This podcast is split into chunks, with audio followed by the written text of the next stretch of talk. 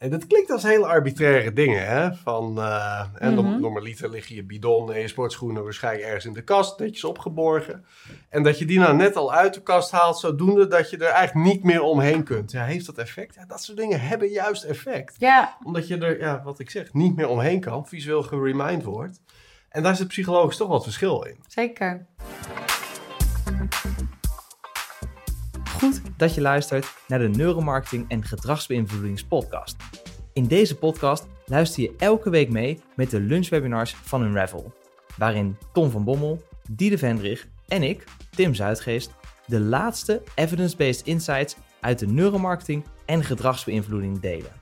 Vol met praktische insights die jij direct kunt toepassen. Voordat we beginnen met de aflevering, eerst nog even dit. Luister je graag naar deze podcast, maar zou je graag live vragen willen stellen en de key insights willen ontvangen? Schrijf je dan in voor onze webinars via unravelresearch.com. Zo mis je nooit de nieuwste evidence-based insights.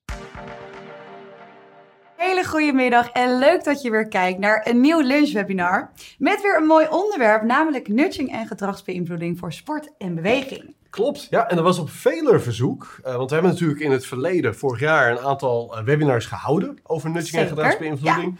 Eh, over duurzaamheid, gezondheid, eh, geluk Ja, Ehm, donaties. klimaat. Oh, en donatie. Ja, ja, dus nou, dat zijn er al zes. En mensen zeiden van, ja, maar als Verkeer. er ergens... Hm? verkeer ook nog. Het verkeer, ja klopt. Ja, dat is inderdaad ook een, eh een goeie.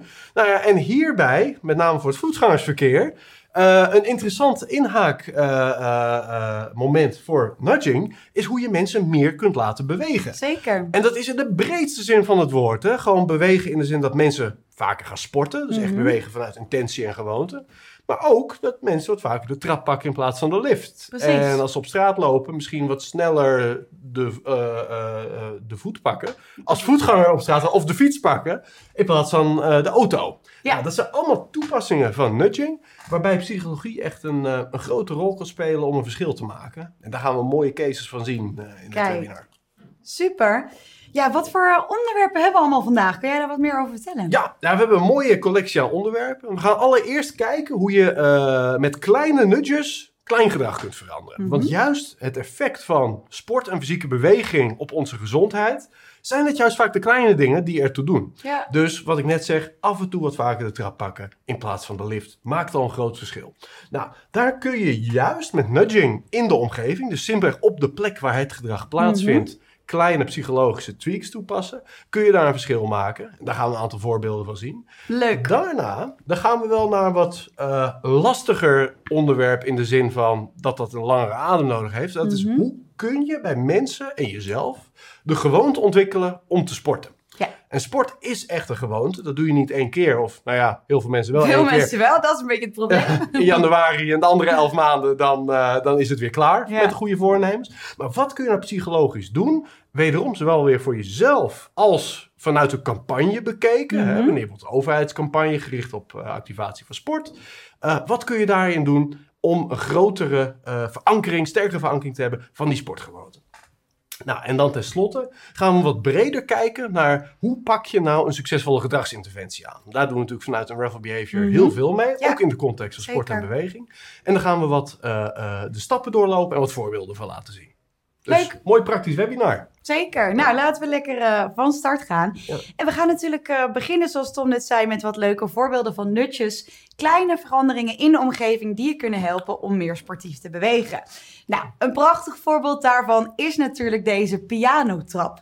Eh, en wat dit doet, en dit is natuurlijk een heel mooi specifiek voorbeeld, maar zo werkt het vaak met nudging. Op het moment dat je bepaald gedrag leuker of aantrekkelijker kan maken, ja, dan verhoogt dat de kans dat mensen dat uiteindelijk uit zullen voeren. Dus hoe leuk is deze pianotrap waarbij mensen gestimuleerd werden om wat vaker de trap te nemen in plaats van de roltrap door muziek te maken terwijl ze omhoog of naar beneden liepen. Maakt het ook echt geluid? Ja. Ik ook dacht dat het alleen visueel was, joh. Heel wat grappig. Ik moet zeggen, ik weet niet of deze specifiek dat ook doet, maar ik ken het voorbeeld wel eh, met dat je dus echt inderdaad muziek maakt op het moment dat je eh, de Ah, trap geeft oploopt. ook licht. Hè? Ja. Waar die kindjes lopen, daar, eh, daar, daar, daar is het lichter. Ja, ja, in dit geval ontzettend goed en ook veilig. Maar ik ken daar dus ook wel een mooi voorbeeld van waar dat dus wel eens een keer mis is gegaan. Waarbij ze dus dachten, oké, muziek, als iets muziek maakt of geluid maakt, dan, eh, ehm, werkt dat goed. Het was een voorbeeld waarbij ze mensen juist wat langzamer wilden laten rijden over de weg heen. Ehm, we hebben hem wel eens in een ander webinar genoemd door ehm, geluid te laten maken op het moment dat mensen langzaam reden en daar dus een mooi muziekje uitkwam. Maar daar ging het net even mis, omdat mensen vervolgens dat zo leuk vonden dat ze achteruit gingen rijden op de snelweg. Dus ja, dat wil je misschien toch Even voorkomen. dat nummer nog een keer horen. Ja, precies. Ja, dit type nudge, het heet de, de leukmaker. Dus zo noemen wij dat. Ja. En het is ook hier weer, net als trouwens bij alle nudges, context bepaalt of het werkt of het niet averechts werkt. Want het kan, dus de meest effectieve nudge in de ene context kan compleet het verkeerde gedrag activeren in de andere. Ja, Oh, dit is ook een mooie trouwens. Dit is een mooie, Ja, ja. Die kwam toevallig eh, gisteren op LinkedIn tegen. Dus dat was eh, grappig, een goede timing daarvan. Ehm, en ze refereren ook zelfs naar de, naar de pianotrap. Ehm, maar hier zie je natuurlijk ook een mooie manier van hoe je nou kan stimuleren dat mensen net even iets vaker de trap nemen. Door simpelweg te laten zien hoeveel calorieën je verbruikt bij iedere stap die je zet. Dus ja, in dezelfde context eh, een mooi voorbeeld daarvan. Ja, in Leiden eh, zijn ze met iets bezig wat ze sneaky fitness noemen. En dat valt eigenlijk in hetzelfde plaatje. eh, waarbij ze ook bezig zijn van, oké, hoe kan je nou dat sporten leuker maken? Dus hoe kan je het nou aantrekkelijker maken?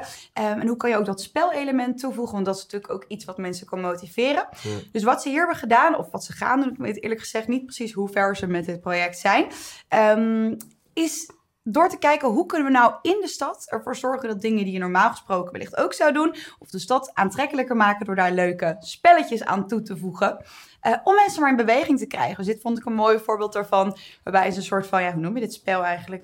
Hinkstapsprong. een, een variant op hinkstap sprong op een, eh, ja, ik denk zo'n parkeerplaats of iets dergelijks. Ja, op een, op een wandelpad waar je normaliter gewoon normaal zou eh, lopen, eh, word je nu gemotiveerd om daar net eventjes wat meer te bewegen. En dat is natuurlijk altijd positief. Deze was ook leuk, een eh, spelletje in het, eh, ik weet niet waar het precies geplaatst wordt, maar dan moet je tussen twee knoppen doorrennen om jezelf uit te dagen en vervolgens op de knop te drukken en dan op de andere knop. En daardoor krijg je ook weer een high score, waarbij je ook weer dat competitieve element erin krijgt naar jezelf toe. Wat leuk. Ja. Gamification echt op straat. Precies, ja. Dat, dat laat je wel bewegen. Zeker. En deze, om ook eh, de ouders eh, nog eventjes eh, mee te laten bewegen. Dat was de balansbank, zoals ze dat noemen. Eh, waarbij je dus eh, ja, eigenlijk uitgedaagd wordt om jezelf in balans te houden. Wellicht met iemand anders toch. Ik denk dat het in je eentje net iets minder spannend is. Ja, we Maar- zien een soort wip, maar dan met een bank. En die kan beide kanten op, lijkt het. Oh ja, voor de Ja. podcastluisteraars. Ja. heel goed. Ehm, ja, dus eigenlijk al met al allemaal leuke voorbeelden om dat sportieve gedrag, en zo werkt het natuurlijk niet alleen met sportief gedrag, maar in principe met ja, al het gedrag wat je wil beïnvloeden, hoe makkelijker, hoe leuker eh, je dat gedrag kan maken, hoe aantrekkelijker dat wordt, hoe groter de kans dat mensen dat gedrag uiteindelijk ook zullen uitvoeren. Dan een, ehm, ja, een mooi effect dat was gevonden over het gebruik van sta-bureaus. En dit effect van dit gevonden effect, dat hangt samen met iets wat we weten van de mens. En dat is namelijk dat wij zeer passief zijn. We gaan vaak voor de standaardkeuze, ofwel de defaultkeuze zo gezegd. En ehm, dit gegeven is al heel vaak gebruikt binnen nudging en gedragsbeïnvloeding om mensen een bepaalde keuze te laten maken. Mhm. Denk aan het klassieke voorbeeld waarbij ze eh, de keuze om wel of geen donor te laten worden sterk konden beïnvloeden door de default optie te maken dat je wel donor werd. Dus in plaats van dat eerste standaardkeuze was van je bent het niet en je moet actief ervoor kiezen om het te worden, passen ze dat aan naar je bent het wel. En als je het niet wil, dan moet je dat actief veranderen. Waarmee ze een hele grote verandering konden brengen in het aantal donoren. Mhm. Mooi is dat ze dit nu ook hebben getest met ehm, het gebruik van sta-bureaus. Wat natuurlijk ook weer mooi voor de beweging en de gezondheid is. Wij hebben hem staan. Ik zie je Ja, zie wijzen. hier ook staan. Ja. Maar hoe, eh, hoe vaak worden ze gebruikt, denk je? Procentueel Oeh, gezien? Nou, dat wist je al heel erg. Maar het is grappig, want dit is eigenlijk precies wat het is. Op het moment dat hij hoog staat, ehm, ga je er sneller aan staan. En dat is Ja. eigenlijk precies wat in het onderzoek ook is gevonden. Op het moment dat de default optie is dat hij op sta-stand staat, wordt hij veel vaker gebruikt. En ja, dat zien we hier ook terug. Dus misschien moeten we onze loopband ook gewoon standaard aanzetten. Niet helemaal goed voor de energierekening, maar ja, het is wel inderdaad wat het verschil maakt. Het, het mooie van dit onderzoek, dat overigens in Nederland bij mijn weten is uitgevoerd, is ook Mhm. nog wel leuk. Eh, dit was bij een eh, typisch eh, shared office concept. En dat kan er natuurlijk, want dan heb je niet je eigen vaste bureau. Ja, En wat ze volgens mij hier deden, was dat ze de, nou, laat zeggen, de schoonmaakploeg elke avond gewoon instructies gaven van alle stabureaus omhoog zetten. leuk. En, en dat had dus een dramatisch groot positief effect op, op hoeveel mensen dat gebruikten. Het kan echter wat lastiger natuurlijk. Ja, bijvoorbeeld bij een kantoor als het onze, waarbij je toch eh, nou, verschillende Geen plekken hebt. stabureaus hebt. En, nou, we hebben wel een paar eigen plekken, maar dat zijn weer geen stabureaus. Nee, precies. En in ieder geval, eh, eh, het vereist dat de plekken niet aan één persoon zijn toe te wijten. Ja. Of anders ga je het ongevraagd die bureaus omhoog. Maar goed, weet je, als je zelf wilt nutchen, kan je natuurlijk dit gegeven wel mooi inzetten. Door gewoon zelf eventjes, als Heel je de mogelijkheid hebt, je stabureau omhoog te zetten. Ja, Ehm, want dat verhoogt de kans aanzienlijk dat je hem eh, daar ook op laat staan. Ja. Goed, ja, we hadden, we hadden het net even over self-nudging. Dus wat kan je nou doen om jezelf te motiveren om meer te sporten? Want nou, ik denk dat iedereen ehm, wel eens de uitdaging heeft gehad om zichzelf vaker naar de sportschool te slepen. Of überhaupt eh, te gaan sporten. Nou, er zijn een aantal leuke onderzoeken gedaan die je daarbij eh, wellicht kunnen helpen om dat in het vervolg wat makkelijker te maken. En de eerste is door gebruik te maken van zogenoemde visuele reminders. Wat simpelweg eigenlijk inhoudt dat ja, hoe vaker jij herinnerd wordt aan sporten. En dat kan bijvoorbeeld door je sportkleding al aan te trekken of ergens klaar te leggen. Ja, hoe vaker dat concept van sporten geactiveerd wordt en hoe groter de kans ook wordt dat je het uiteindelijk zal gaan doen. Het tegenovergestelde daarvan heeft te maken met iets wat we actiekillers noemen. Ehm, en hierbij is het belangrijk dat je voor jezelf nagaat van wat zijn nou voor mij zogenoemde actiekillers. Dus wat zijn acties binnen de gedraging die ik heb, die ervoor zorgen dat als ik aan zoiets begin, dat de kans echt aanzienlijk lager wordt dat ik uiteindelijk nog ga sporten. Nou, een mooi voorbeeld daarvan is ehm, het Netflix-momentum, zoals ze dat noemen. Eh, waarbij dus mensen vaak herkennen, ja, op het moment dat ik die serie aanzet, of die aflevering start, ja, dan wordt de kans toch wel klein dat het eh, me lukt om die serie nog uit te zetten en naar de sportschool te gaan.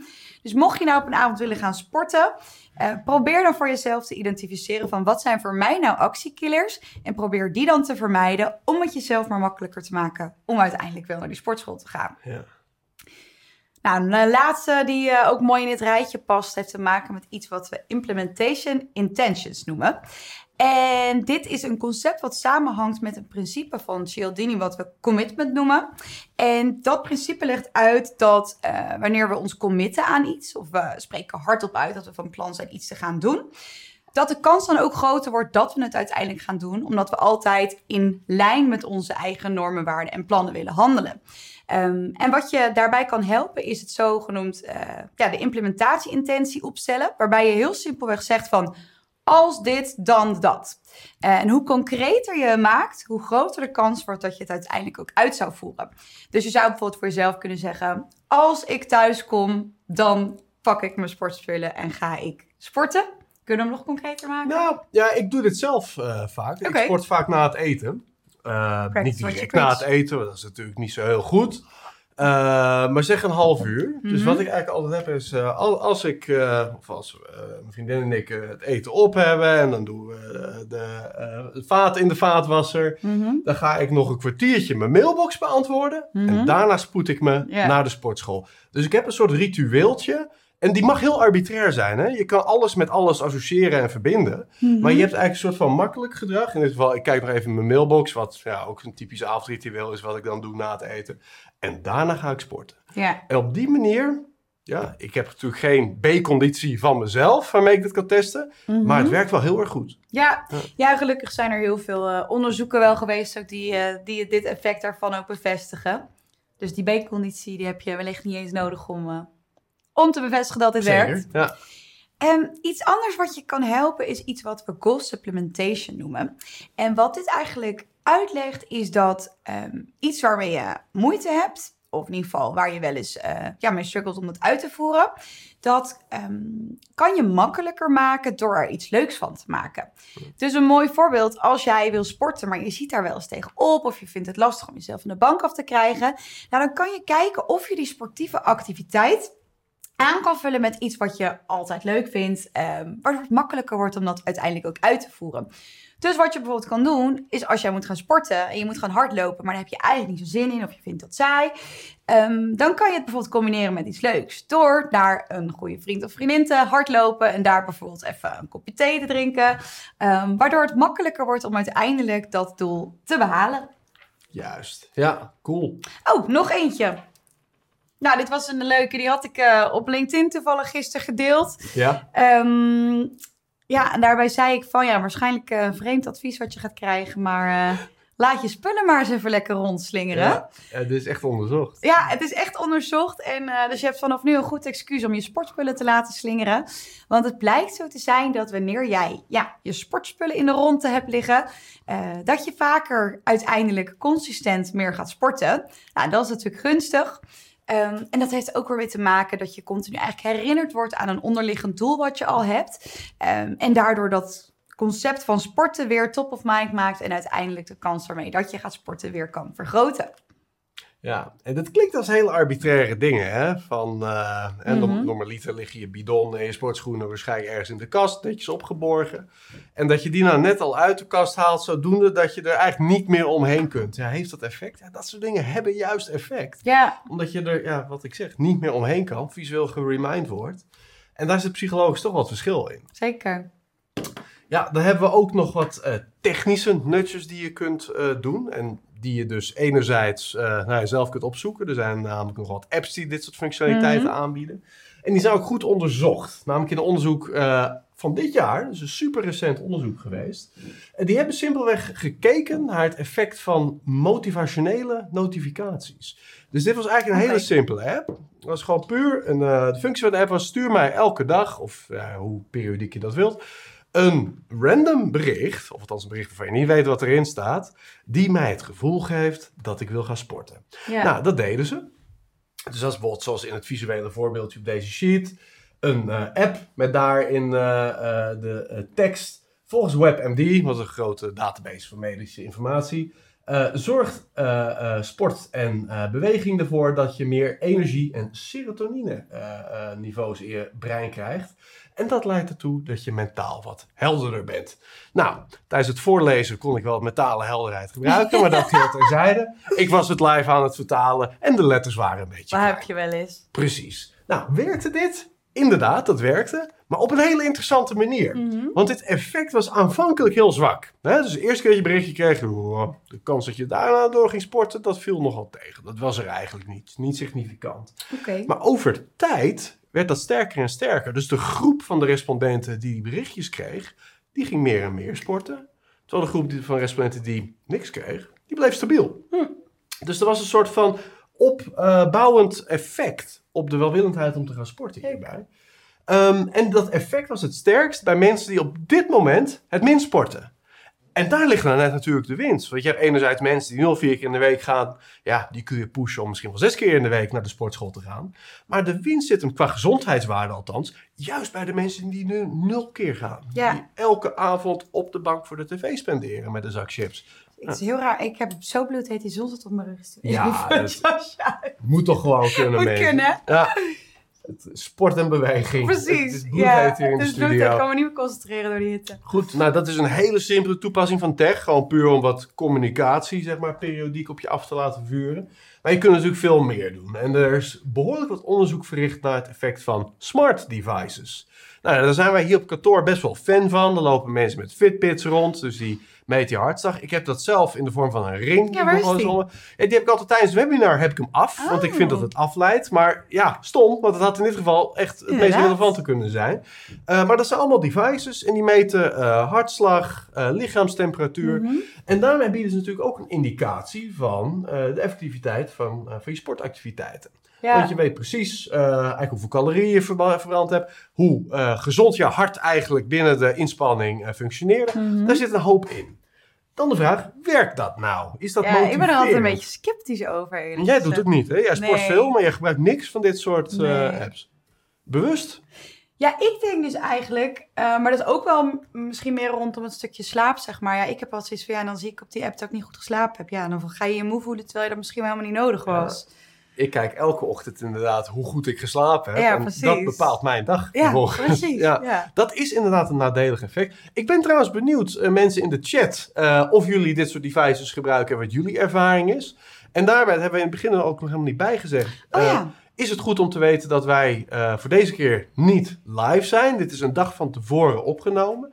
Maar in de chat zal hoogstwaarschijnlijk Tim wel live erbij zitten. En die kan dan ook reageren. En natuurlijk. Ja, dus de stel vooral bijhouden. lekker je vragen. Precies, dus houd het lekker interactief, ook al kunnen wij het dus nu niet hardop eh, noemen. Ehm, het heeft twee effecten. Want je kunt natuurlijk eh, door te meten, krijg je inzicht in hoe je presteert. Mhm. Dat is op zich nog best wel effectief. Ja. Want vaak, what gets measured, gets done. Dus het Mhm. maakt het meer top of mind.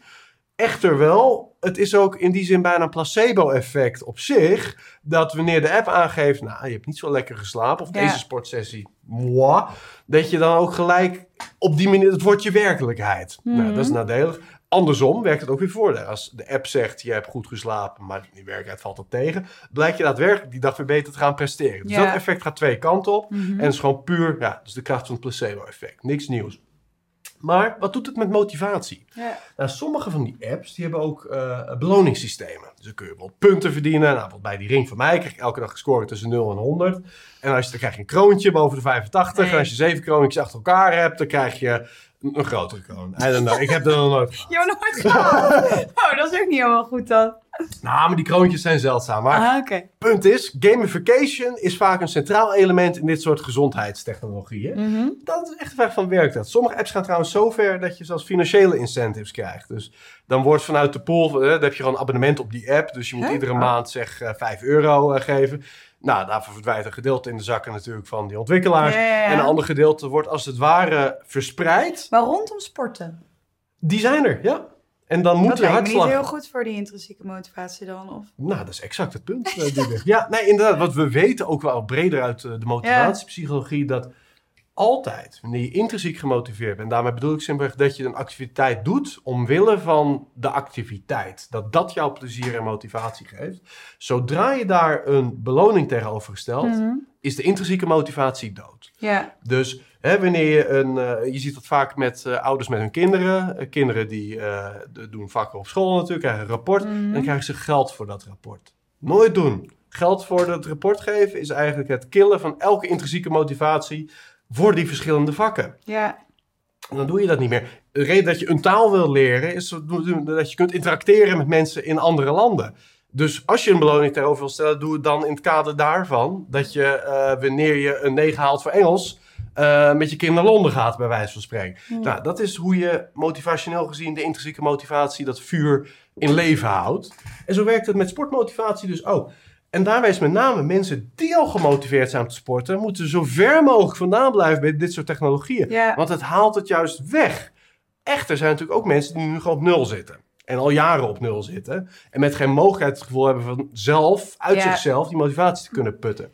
Dan zijn dit soort technologieën heel erg gunstig. En dat is dus ook wat precies blijkt op basis van onderzoek. Dit soort motivatietechnologieën hebben een plek en een tijd. Mhm. Maar enkel en alleen wanneer er geen intrinsieke motivatie is. Mooi. Nou, dan gaan we naar het tweede onderwerp, waar we net vanuit nudging al zijdelings natuurlijk eh, eh, ja, over hadden. En dat is, hoe kun je sport echt als gewoonte verankeren? Kijk, want die nudges van zojuist, die hebben allemaal eigenlijk invloed eh, in zekere zin op eenmalig gedrag. Je ziet een keer die leuke trap en je gaat inderdaad de trap pakken in plaats van de lift. Maar verhoogt dat ook het effect dat je de volgende keer dat je een normale trap ziet, die trap Mhm. zult pakken. Dat blijkt wel zo te zijn. Wanneer je herhaaldelijk een nudge tegenkomt. Dus dat is best wel grappig. Herhaaldelijk nudgen kan gewoontes activeren. Tegelijkertijd betekent dat dan dat iedere trap hier in Nederland in de vorm van een piano moet zijn? Waarschijnlijk niet. En het is ook niet zo praktisch. Het gaat gewoon niet gebeuren. Dus dat is wel even om nudging op waarde te schatten. Dus je moet ook eh, beïnvloedingscampagnes voeren. Mhm. Die wat meer gericht zijn op het activeren en aanwakkeren en in leven houden van gewoontes. Ja. Nou, daar gaan we het nu over hebben. Daarbij is allereerst de vraag: wat bepaalt nou of iets een gewoonte wordt? Nou, er zijn een aantal elementen, en dit zijn grote onderzoeken, niet eens alleen in de context van sport, maar eigenlijk in alle gewoontevorming in ons leven. En er zijn een aantal terugkerende elementen aan het gedrag die bepalen of iets een gewoonte wordt uiteindelijk. Nou, enerzijds moet het herhaling zijn. Dat was ook wat ik net aangaf met die nudges. Als jij vaker de trap pakt en misschien aanvankelijk aangewakkerd door een nudge, Mhm. zal dat uiteindelijk het automatische gedrag worden. Want Ons brein is lui en ons brein zal altijd het gedrag uitvoeren wat het meest logisch voelt, het meest makkelijk is. Dus dat zijn vaak herhalingen van ingesleten eh, gedragingen. En het is belangrijk dat we verankeren in een consistente omgeving met consistente cues.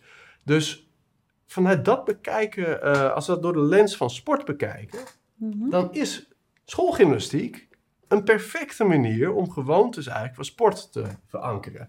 Want je hebt een consistente omgeving, op een consistente tijd, hè, school. En je hebt iedere woensdagmiddag precies om twee uur tot drie uur heb je gymnastiekles. Mhm. En op die manier kun je, ook al bewegen mensen in eerste instantie een baseline weinig, dat als gewoonte verankeren. Tegelijkertijd hebben we heel wat mensen, nou niet de meest warme gevoelens aan gymles op de middelbare school. Nee. Zelfs mensen die juist heel erg van sport houden. Waarom is dat? Nou, dat komt omdat er nog een derde ingrediënt is. Dat betekent intrinsieke motivatie. We hadden het er net al over. Maar de activiteit die je doet, moet ofwel persoonlijk relevant zijn, of dus Mhm. persoonlijk belonend omwille van de activiteit. En niet om eh, een soort stok achter de deur of beloning ten gevolge van die activiteit.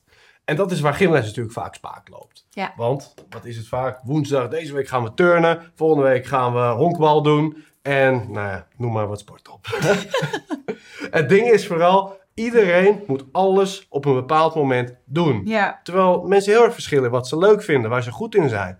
Dus als je gymles echt zou willen doen, hou vooral de herhaling en de consistente omgeving in leven. Mhm. Maar pas het aan op het individu. Zorg ervoor dat gymles eigenlijk onderdak biedt voor die intrinsieke motivatie. En overigens, bij ons op de middelbare school deden ze dat in sommige maanden van het jaar. Mhm, Waarbij je-. Precies, want gymles is nu altijd per klas. De hele klas gaat nu turnen. Mhm. Terwijl wat je beter kunt doen, is juist door dwarsdoorsnedes van klassen, dat je kunt inschrijven op bepaalde dingen. Ja. Ik heb gedart. Weet Zo, ik. nee. en gesquashed. Nou, dat vond ik allebei leuk. En dat deed ik dus niet met klasgenoten, maar met eh, kinderen van andere klassen die Ja. ook wilden darten en squashen. Interessant dat Ja. je voor dart hebt gekozen. Ja, ik weet niet wat dat over mij zegt. maar ik heb ook gesquashed. Kijk, hè. En ook in gymles, maar eh gymles hebben natuurlijk veel mensen niet meer. Dus hoe zou je deze kennis... eh, Nou, daar komen een aantal van de nudges die je net ook behandelde. Want je kunt een aantal ingrediënten wat in die gymles zit, consistente omgeving, consistente cues, kun je dus inzetten voor jezelf. Nou, je zei het net al, de cue kan eh, bijvoorbeeld de sportschoenen zijn. Ja. Of eh, de sportbroek. Dus er zijn heel veel mensen die eigenlijk hun sterke momenten gebruiken om hun zwakke momenten voor te zijn. Dus stel je komt zo dadelijk thuis na een dag werken, gelijk sportbroek aantrekken. Want dan weet je, na het eten, als dat je sportmoment bijvoorbeeld is, zoals bij mij, dan heb ik die sportbroek al aan. En dan heeft veel meer die gewoonte, consistente cue van ik ga daadwerkelijk sporten. ja. Terwijl als je het pas op dat moment doet, ja, dan is de wilskracht vaak alweer zo afgebrokkeld dat het aantrekken van die sportbroek al niet eens meer Ja. een ding is. Nou, dus op die manier kun je hetzelfde psychologische principe dus inzetten voor jezelf. Nou, en een vierde element, dat is feedback. En dat heeft wederom te maken met eigenlijk waar intrinsieke motivatie vandaan komt. Mhm. Enerzijds komt intrinsieke motivatie uit de betekenisvolheid van activiteit. Het moet leuk zijn, iets voor jou betekenen. En tegelijkertijd vinden we het heel fijn, psychologisch motiverend, als we ergens beter in worden. Niet beter om anderen te impressen, dat zou ext- extrinsieke motivatie zijn, maar beter omwille van beter worden. Ja. En met name sporten die een heel krachtig feedbackmechanisme hebben, die, ehm, eh, die, die wakkeren die intrinsieke motivatie aan.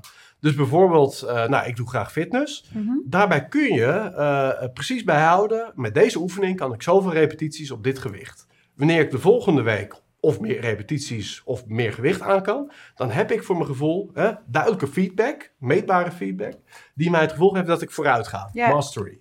Nou, dat is dus een van die kenmerken van intrinsieke motivatie. Goed. Nou, een verlengde daarvan, en dan hebben we het weer even over de sportschool, dat is de switch-on methode. En die speelt eigenlijk in op het principe om nou, in de mindset te komen. En hierbij hebben ze een experiment verricht onder nieuwe sportschoolleden. En die kregen helemaal in het begin van hun eh, lidmaatschap de volgende opdracht vanuit de sportschool gegeven. En dan staat dan gedurende de ochtend eh, selecteer je favoriete gymclothes, dus eh, ja, sportschoolkleding, Mhm. vanuit je kast. Plaats die op je bed voordat je naar je werk gaat.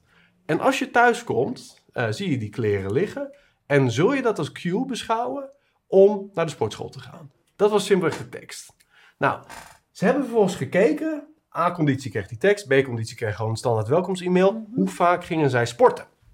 We zagen het volgende. De controlegroep, en we, eh, de afhankelijke variabele hierbij, was het aantal minuten sport per week. Controlegroep ging een klein beetje omhoog. Mhm. Dus mensen, wanneer ze lid worden van de sportschool, gaan, waarschijnlijk door intrinsieke motivatie hopelijk, vanzelf al een beetje stijgen. Die stijging was bij die switch-on-methode des te groter. Dus dit was puur en alleen als eh, campagne-element mensen een mailtje sturen dat zij hun, eh ja, hun eh, gymnastiekkleren gewoon klaar moeten leggen vanuit een krachtig moment, namelijk het moment dat je naar je werk gaat, dan leg je het op je bed. Zodoende dat als je thuis bent, je die ziet liggen en je gaat sporten. Mooi. Nou, er is nog een andere interventie eh, die ik eh, vanuit een case wil delen. Dus dit is een grote case. En dit had te maken met mensen die na een hartoperatie moesten revalideren. Specifieke doelgroep, maar er zitten hier een aantal ingrediënten weer in die je ook breder kunt inzetten. En hierbij werd gema- gebruik gemaakt van een consulent. Dus iedereen die eh, uit die operatie revalideerde, die kreeg dus een consulent eigenlijk toegewezen. Die een aantal psychologische methoden inzette om nou ja, sportgewoontes te activeren. Ehm, en daarbij werd allereerst gewoon doelstellingen bepaald. En het klinkt zo banaal, maar wanneer je van tevoren doelstellingen legt, vergroot alleen dat al de kans dat je dat gaat bereiken. Vooral als ze relevant zijn. Wederom intrinsieke motivatie. Dus wanneer het consistent was met de waarde van die persoon. Vervolgens vanuit een concreet actieplan. Nou, dit zijn letterlijk de implementation intentions waar je het eerder Ja. over had. Dus op welk moment, in welke omgeving ga ik wat doen? Daar Ja. komt het op neer. En alleen al het voor jezelf bedenken activeert het al. En als je het gaat visualiseren, wordt dit effect nog sterker. Dus visualisatieoefeningen. En vervolgens, en hier wordt het psychologisch wat spannender, eh, gingen die eh, eh, patiënten een oefening doen waarbij zij positieve herinneringen ophaalden aan episodes uit het verleden waarin ze dit gedrag deden. Huh. Dus je plant niet alleen, ik ga dan en dan sporten, maar je gaat ook even denken aan die keren uit het verleden dat je gesport hebt en hoe lekker je je toen voelde. In plaats van wat je normaal, vooral naarmate het sportmoment dichterbij komt, neigt te doen. Van nou, ik heb geen zin, ik heb eigenlijk niet zoveel energie, het gaat er waarschijnlijk niet worden vandaag. Nee, je gaat eigenlijk associatieoefeningen doen. Denk gewoon even terug aan die keer dat je echt vol energie van die loopband afstapte. En je een hele lekkere dag vol met focus ervaarde. Nou, dat zijn die positieve herinneringen. En dit had een langdurig positief effect. Dus ze hadden hier met het hele programma ook weer een A- en B-conditie. Mhm. En deze mensen tot maanden na afloop van het programma sporten die nog steeds meer. Mooi. Dus dit zijn echt grote, sterke effecten. Natuurlijk wel een arbeidsintensieve interventie. Mhm. Maar je ziet natuurlijk wel ten opzichte Moeten van... wat veroveren. Ja, precies. Ja, het het kost meer energie om een langdurige gedragsverandering teweeg te brengen. Niet alles kun je met nutjes oplossen. Nee, zeker niet. Eh, maar je ziet dus wel dat het werkt. Cool. Nou, en dan het hele omgekeerde. Dan komen we weer even terug bij de stabureaus. Maar we hebben het nu de hele tijd gehad over het adopteren van goede gewoontes. Hè? Mhm. Meer sporten, eh, meer bewegen. Maar tegelijkertijd wil je ook slechte gewoontes afleren. Ehm, en een slechte gewoonte in de context van hoe wij zitten, is eh, het feit dat we zitten. Want zitten is het nieuwe roken, hoor je wel eens. Precies. Toch? Dus je moet meer staan, meer bewegen. Nou ja, daarbij is de oplossing, moet je eigenlijk aan twee kanten moet het mee snijden. Enerzijds moet het makkelijk zijn om het Mhm. gewenste gedrag te adopteren. Want je moet echt vanuit het huidige gedrag echt nieuw gedrag adopteren. Nou, we weten, dat is ontzettend lastig. Ja. Eh, en het moet ook, eh, dus de motivatie moet zijn, je moet het willen en het moet makkelijk zijn. Hè? Dus het zit motivationeel en het zit in de mogelijkheid. En die eerste stap is altijd bewust. Dus we denken vaak, dat roepen wij natuurlijk ook eh, in, in de webinars, het grootste deel van wat we doen is onbewust gedreven. Dat Ja. klopt ook wel. Maar die eerste stap bij het afleren van gewoon is altijd een bewust iets. En daar moet je in je interventies ook wel rekening mee houden. Dus bedenk van tevoren bij welke activiteit je wilt staan. Daar begint het bij. Want er is bijna geen nudge die je uit het niets zal doen laten staan. Daar is, je kunt een nudge doen die jou aan het denken zet. Maar Mhm. dat zal dus een bewust geactiveerde nudge zijn. Ehm, dus daar begint het bij. En je gaat dus eigenlijk eh, bedenken niet van... nou, ik zou wat vaker willen staan. Want dat zitten, dat schijnt toch niet zo gezond te zijn. Dat roept iedereen al. Ja. Maar je moet eigenlijk zeggen: woensdagmiddag heb ik geen call staan. En dan ga ik deze en deze activiteit doen op mijn werk. Dat die ga ik allemaal staan doen. In deze locatie, of op deze locatie. Eh, op die manier, en het is gewoon weer de implementation intention waar we het hele over hebben. Maar je gaat dus weer concreet maken wat je gaat doen. En heel veel interventies, zowel campagnes als nudges, doen niks anders dan het concreter maken. Wat je eigenlijk al wel willend bent om te gaan doen. Ja. Nou, en dat brengt ons bij een wat breder vraagstuk van hoe kom je nou tot dit soort succesvolle interventies? Want we hebben er nu een aantal gezien, grote effecten.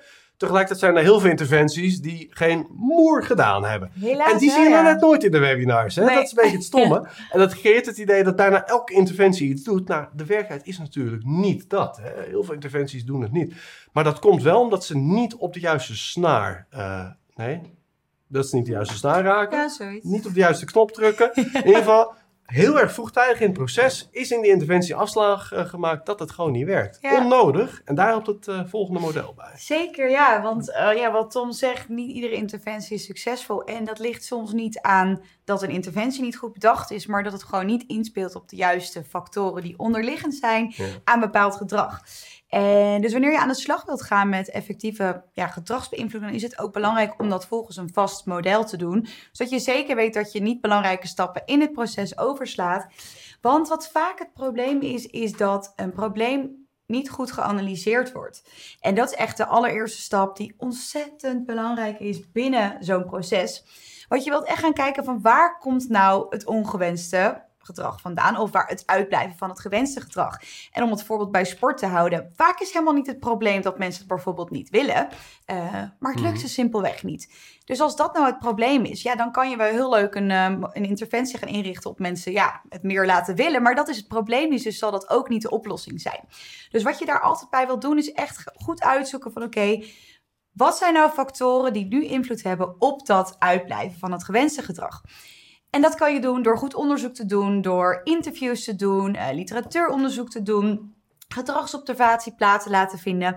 En dat wil je vervolgens ook allemaal in kaart gaan brengen. Dus al die factoren die van invloed zijn op het uitblijven van het gewenste gedrag of het voorkomen van het ongewenst gedrag, die wil je in een model gaan zetten. Nou, daar komt Mhm. straks ook een mooi voorbeeld van, van hoe wij dat eh, hier altijd doen.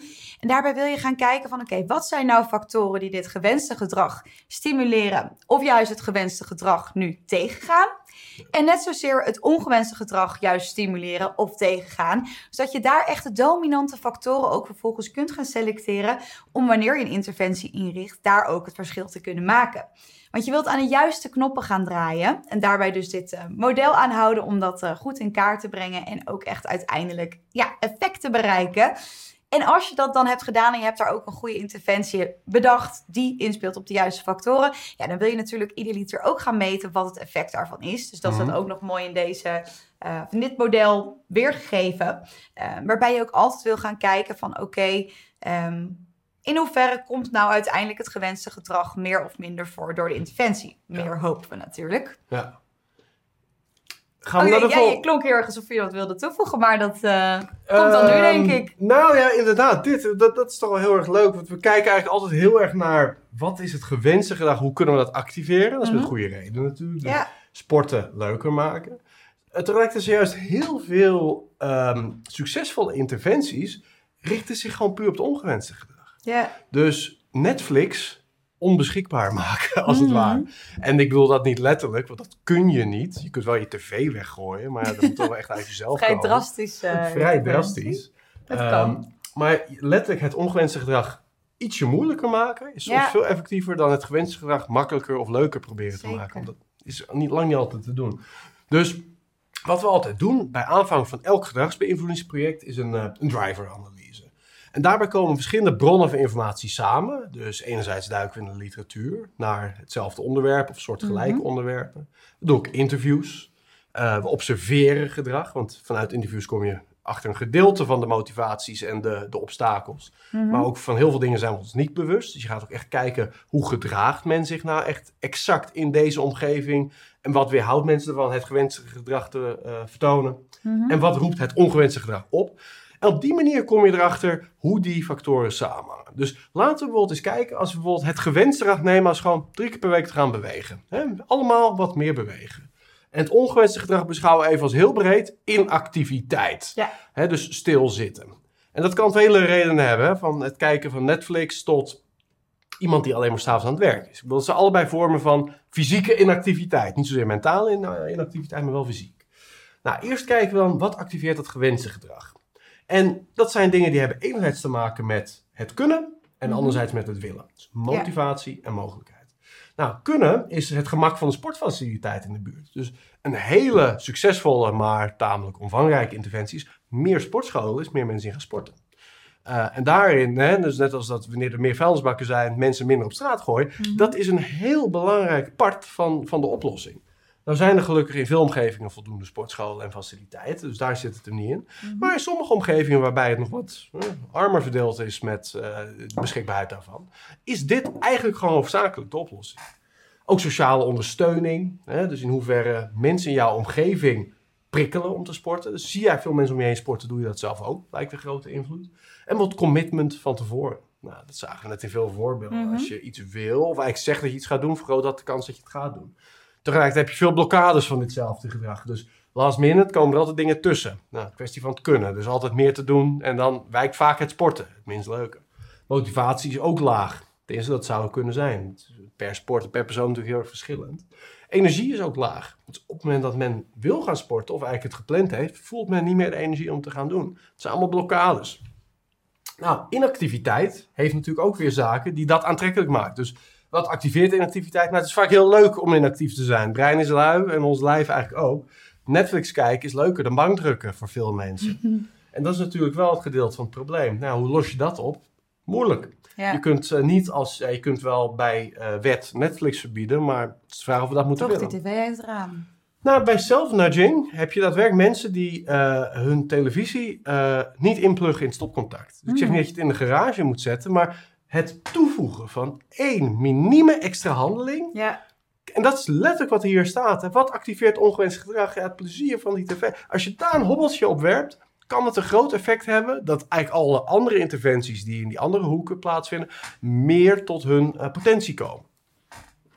Ehm passief entertainment is altijd dichtbij. Nou, dat is dus eigenlijk waar dat op inspeelt. Maar vandaag de dag is het heel makkelijk om iets anders te doen dan sport. Ja. En dat was vroeger in die zin wel echt anders. Ik wilde had je wel tv waar je dan altijd naar kon kijken. Maar nu hebben we zoveel bronnen van passief Mhm. entertainment die naar ons lonken. Dat het wel Ja. heel makkelijk is om niet te gaan sporten. Ehm, en huisgenoten, mensen om ons heen, die doen vaak ook niet zo heel veel. Dus, nou ja, laat ik, Sorry, ik was even Oké, laat ik even terug naar de statistiek gaan. En niet zozeer onze sociale omgevingen door het slijk halen wat we hier doen. Ehm, het is simpelweg zo dat natuurlijk gemiddeld genomen Mm. de meeste mensen, en ik druk me hier heel erg, ehm, eh, hoe zou ik zeggen, bescheiden uit. Mhm. Ehm, de meeste mensen sporten niet voldoende vergeleken met wat eigenlijk het advies is van Ja, oké. gezondheidsstichtingen. Dus daar komt het simpelweg op neer. Dus de kans, de social proof is eh, tegen de cause in dit geval. Dus de kans dat je iemand ziet die niet sport is groter dan de kans dat je iemand ziet die wel sport. Dus hoe kun je daar iets mee doen? Nou ja, bijvoorbeeld met rolmodellen is daar een goed voorbeeld Ja. van. En überhaupt sport zichtbaar maken. Daar heeft social media dan weer wel een positieve invloed op. Hè? Mensen die hun sport delen. Iets wat voorheen natuurlijk voor social media altijd buiten beschouwing bleef. Want Ja. het was niet zo zichtbaar. Dus er zit ook positieve kant aan. Nou, tenslotte wat blokkeert ongewenst gedrag? Dus wat eh, houdt mensen tegen om Netflix te kijken? Ehm, nou, zeg het maar. Moeilijk in dit geval. Ja. Ja, er zijn weinig eh, blokkades hier. Die het, on, het ongewenste gedrag is zo aantrekkelijk en zo Mhm. makkelijk. Dat er van nature weinig blokkades zijn. Anders dan dat je eh, Netflix uitgekeken hebt. Of nou ja, daar anderszins een negatief gevoel bij hebt. Voor sommige gedragingen zitten hier echt daadwerkelijk eh, eh, blokkades van het ongewenste gedrag. Van nature in, die je naar de oppervlakte kunt halen. Ehm, maar bij sporten is dat waarschijnlijk een wat minder eh, dominant. Ja. Nou, op die manier doen we dus een totaal overzicht van de verschillende drivers. Er zijn er natuurlijk veel meer, maar je gebruikt interviews, de literatuur en de andere kennis om het kaf van het koren te scheiden. En daar ga je vervolgens je interventie op richten. Ja. En dat test je dan door. Idealiter is het op een klein niveau. En wanneer het succesvol blijkt, dan rol je dat groter. Ja. Dat is eigenlijk eh, de formule tot succesvolle interventies. Zeker.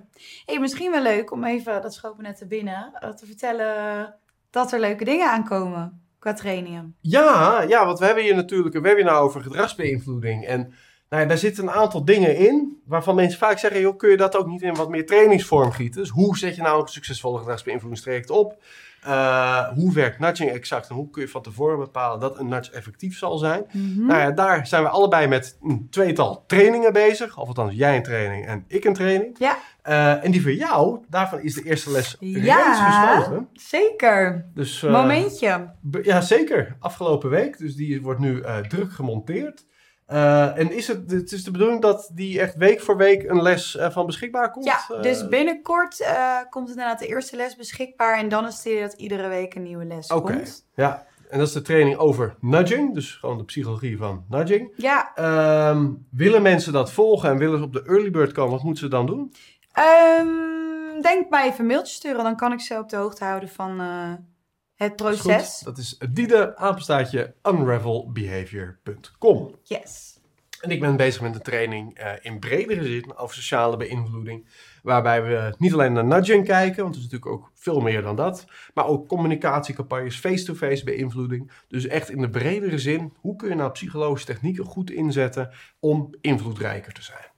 Yes. Dus ook die is in eh, opkomst. Ehm, ja, dat brengt ons weer bij het eind van het webinar. eh, Precies. De takeaways. Takeaways over nudging en eh, sport en beweging. En daarbij zijn een aantal vragen die je zelf eigenlijk zou moeten stellen. Enerzijds natuurlijk voor jezelf. En ik denk dat er meer dan wellicht nog in andere webinars hier best wel wat zelfhulpachtige learnings in zitten. Mhm. Maar tevens wanneer vanuit campagnes of het ontwikkelen van nudges je richt op het gezonder maken van mensen, meer laten bewegen van mensen, zit hier natuurlijk ook wel wat in.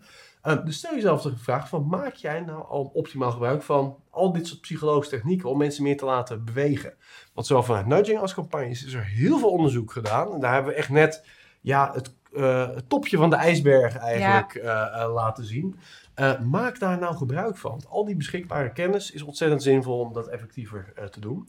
Nuts ook jezelf. Oftewel, laat het vaak je sportschoenen slingeren. Dat is een hele makkelijke. Maar dit zijn ontzettend leuke onderzoeken. En ze zijn ook een beetje grappig wanneer je erover vertelt. Maar het werkt wel. Ja, dus het kan vaak zo makkelijk zijn, maar zo effectief. Ja, absoluut. En ja, je hoeft natuurlijk niet een rommelig huis te hebben. Alleen al je sportbroek heel netjes klaarleggen op je bed. Ja. Dat lijkt al te werken. Nou, eh, en tenslotte gebruik ook evidence-based gedragsinterventies. Dus los van de individuele inzichten, want je kunt natuurlijk altijd goed in Google Scholar naar individuele onderzoeken zoeken. Maar je ziet wel heel vaak dat een onderzoeksbevinding in de ene context niet per se opgaat in de andere. Dus een nuts die heel goed werkte om eh, nou ja, mensen meer te laten eh, sporten bij een e-mailcampagne naar jeugd, hoeft echt niet in dezelfde vorm te werken bij een hele andere Nee. doelgroep in een andere context. daar is het gewoon weer ontzettend belangrijk om een goede probleemanalyse te doen. Exact. Ja. Nou, en dat brengt ons bij het eind, uh, Diede. Zeker. Zitten we goed op de tijd? Ik heb geen idee hoe laat het is. Ik heb geen idee. Nee, weet ik ook Vast wel. Ja, oké.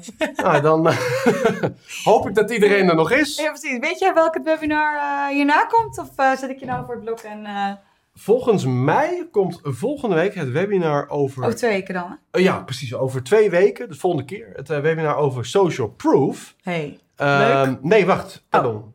Niet. Nee, er komt vol, over twee weken een eh, ander webinar aan. Er komt tevens een webinar over social proof. Maar die is als het goed is over vier weken. Oh ja. Eh, over twee weken weet ik hem wel. Hij schiet mij ineens te binnen. En dat is ook een hele leuke hoor. Dat is over het verschil tussen tv-reclame en online video. Heel veel van onze klanten die communiceren via beide kanalen. Of overwegen op zijn minst beide kanalen. En wij doen daar veel neuromarktenonderzoek naar met eye-tracking en EEG. Ja. En we gaan daarbij eigenlijk naar de overeenkomsten en de verschillen kijken. Juist in die verschillen zitten natuurlijk praktische toepassingen om online video en tv optimaal voor je te laten werken. Dus dat over twee weken. Over vier weken gaan we het hebben over social proof. En dan denk je, nou, dat principe, dat kennen we Dat inmiddels kennen we wel. onderhand wel. En dat is precies waarom we het webinar houden. Want het is tevens wel een van de meest onbegrepen of verkeerd ingezette principes. Dus daarbij zit ik weer met jou natuurlijk. En eh, nou wordt weer een, een mooi webinar. Leuk. Ja, en voor nu eh, iedereen, of wil jij hem afronden? Nou, Rond maar even af, doen. Ik zie, ik zie jou ineens kijken. Ja, maar kijk, ik wel doen. Nee. Ja, dat wil je doen. Nee hoor, dat eh, had jij best mogen doen. Maar ja, bij deze tot, tot de volgende keer. Voordat je gaat, nog een paar dingen. Vind jij het belangrijk om op de hoogte te blijven van dit soort nieuwe inzichten? Schrijf je dan in voor onze webinar nieuwsbrief op unravelresearch.com. Wist je trouwens dat Tom, Diede en ik ook te boeken zijn als gastspreker? Of als je meer de diepte in wilt gaan voor een in-company masterclass of inspiratiesessie? Neem voor meer informatie hierover contact op met emily at. Heb je vragen of suggesties over deze podcast? Laat het me vooral dan even weten via tim at unravelresearch.com. En als laatste, vond je deze podcast waardevol en denk je nu aan één persoon die deze aflevering ook zou moeten luisteren? Stuur hem dan vooral door. Of geef ons een beoordeling in jouw podcast-app. Zo kunnen andere mensen deze podcast ook sneller vinden.